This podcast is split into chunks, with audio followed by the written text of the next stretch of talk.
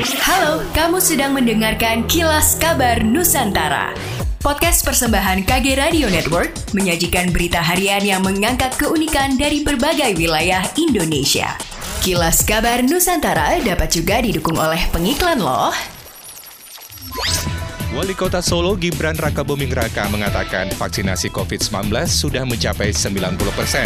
Kemarin Gibran mendapat laporan bahwa capaian vaksinasinya sudah mencapai 90 persen per harinya. Gibran mengatakan masih ada pekerjaan rumah yang harus dia selesaikan, yakni vaksinasi terhadap ibu hamil dan remaja 12 tahun ke atas. Berdasarkan update vaksinasi COVID-19 Solo per 3 September 2021, warga yang sudah divaksin ada sekitar 380.280 orang atau 91 persen dari target 417.151 orang. Sedangkan untuk vaksinasi COVID-19 dosis kedua sebanyak 279.544 orang atau sekitar 67 persen.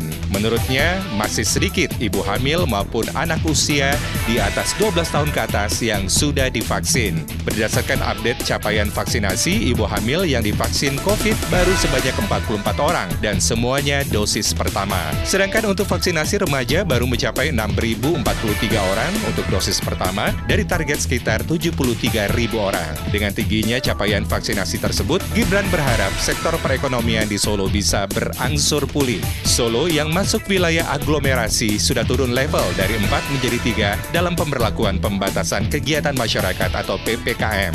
Gibran mengajak seluruh masyarakat untuk menurunkan level lagi ke level 2. Semakin angka COVID turun, semakin angka COVID-nya bisa dikendalikan. Semakin besar pula untuk pelonggaran di tempat-tempat ekonomi. Kesehatan dan ekonomi harus dijalankan secara paralel, tetap dilanjutkan kedua-duanya dan jika terjadi apa-apa, tetap gas dan rem. Pemprov Kalsel hingga saat ini belum mendapatkan rekomendasi dari Satgas COVID-19 setempat untuk menggelar pembelajaran tatap muka PTM tingkat SMA, SMK, dan SLB. Padahal Menteri Dalam Negeri RI telah memberikan izin kepada daerah yang hanya menerapkan PPKM level 3 untuk menggelar PTM.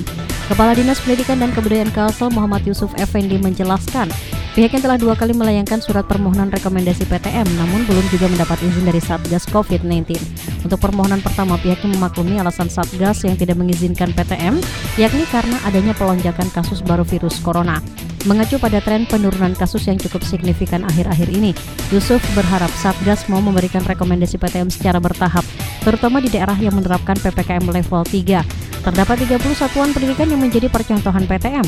Ke-30 sekolah tersebut dipandang mampu menerapkan PTM karena sudah memenuhi persyaratan penerapan protokol kesehatan saat proses belajar mengajar berlangsung. Demikianlah kilas kabar Nusantara hari ini.